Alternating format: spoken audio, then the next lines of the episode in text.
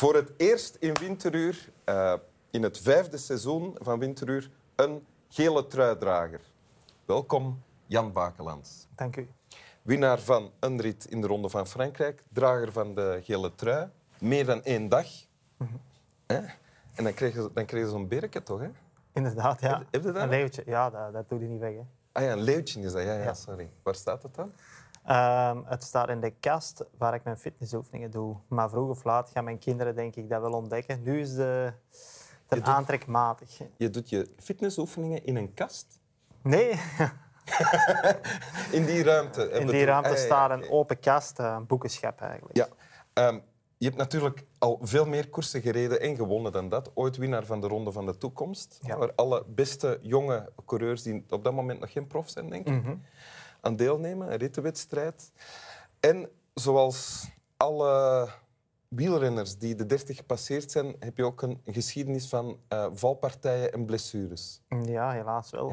En bij mij is die lijst wel lang. Ja, en daaraan toegevoegd, nog heel onlangs, is een... Uh, een kapotte duim. Hè? Hij begint er terug door te komen. Ah, ja, oké. en je hebt platform bij van Michel Wellebec. Dat klopt.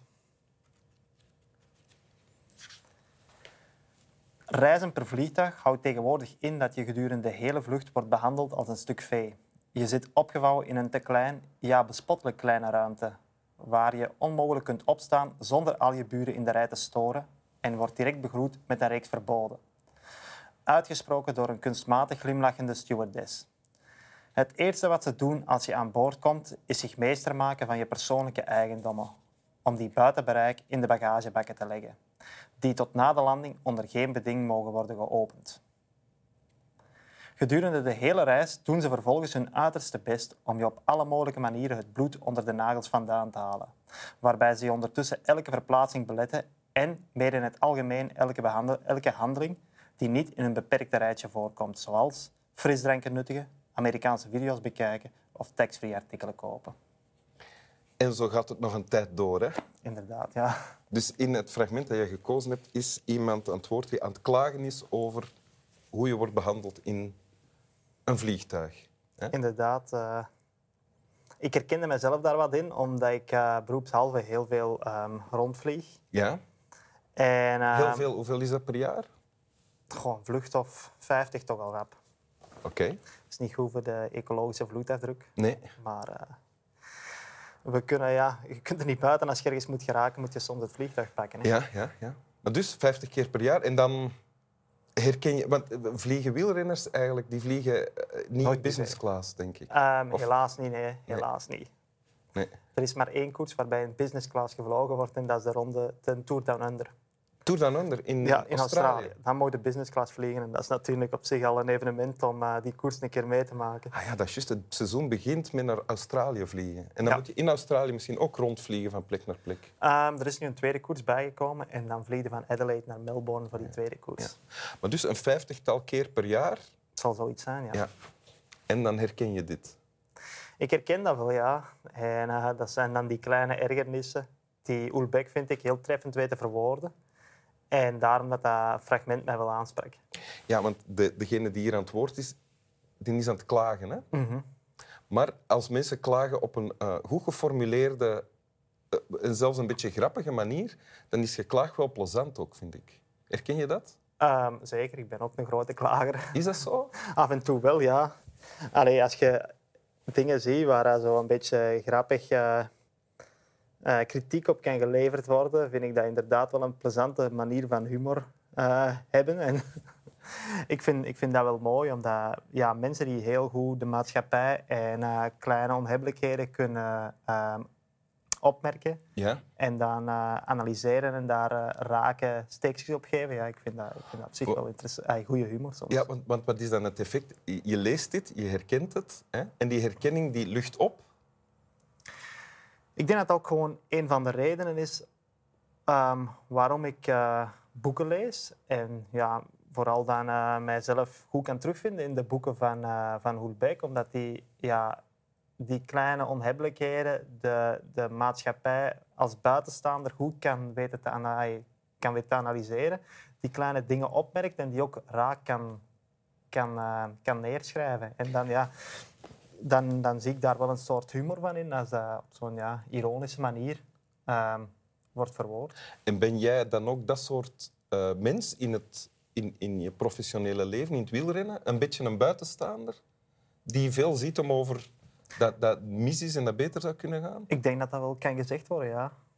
Ik heb wel de naam kritisch te zijn. En misschien soms voor sommige mensen zijn kritische mensen zagen mensen. Ja. En dus zal dat af en toe wel voor sommigen gelijk staan. En ja, die ene groep die mij een zagenman zal vinden, daar zal er evengoed een andere, misschien en hoogstwaarschijnlijk veel grotere groep tegenover staan.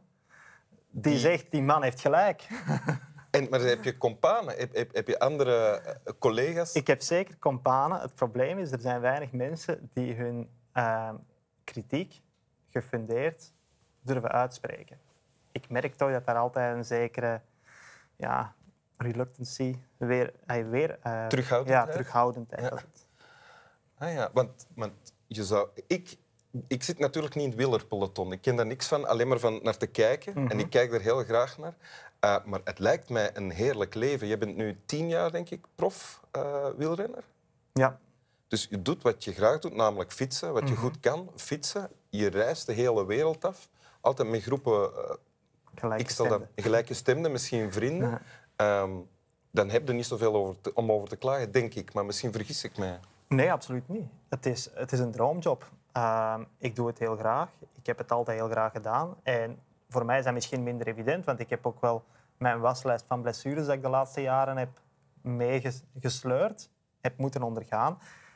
Maar dat heeft mij eigenlijk des te meer doen beseffen hoe graag ik dit eigenlijk wil doen. Ah ja.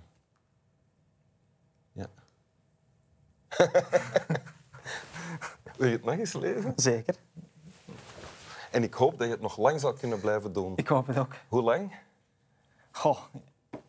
Als, als, als jij mag kiezen. Een jaar of vier dan? Een jaar of vier, oké. Een jaar of vier. Dus dat, dat is Af, het begin. Afgesproken. een reizen per vliegtuig houdt tegenwoordig in dat je gedurende de hele vlucht wordt behandeld als een stuk vee. Je zit opgevouwen in een te klein, ja bespottelijk kleine ruimte waar je onmogelijk kunt opstaan zonder al je buren in de rij te storen en wordt direct begroet met een reeks verboden, uitgesproken door een kunstmatig glimlachende stewardess. Het eerste wat ze doen als je aan boord komt, is zich meester maken van al je persoonlijke eigendommen om die buiten bereik in bagagebakken te leggen. Die tot na de landing onder geen beding mogen worden geopend. Gedurende de hele reis doen ze vervolgens hun uiterste best om je op alle mogelijke manieren het bloed onder de nagels vandaan te halen. Waarbij ze ondertussen elke verplaatsing beletten en meer in het algemeen elke handeling die niet voorkomt in een beperkte rijtje, zoals frisdranken nuttigen, Amerikaanse video's bekijken of tax-free artikelen kopen. Dank u. Slap wel.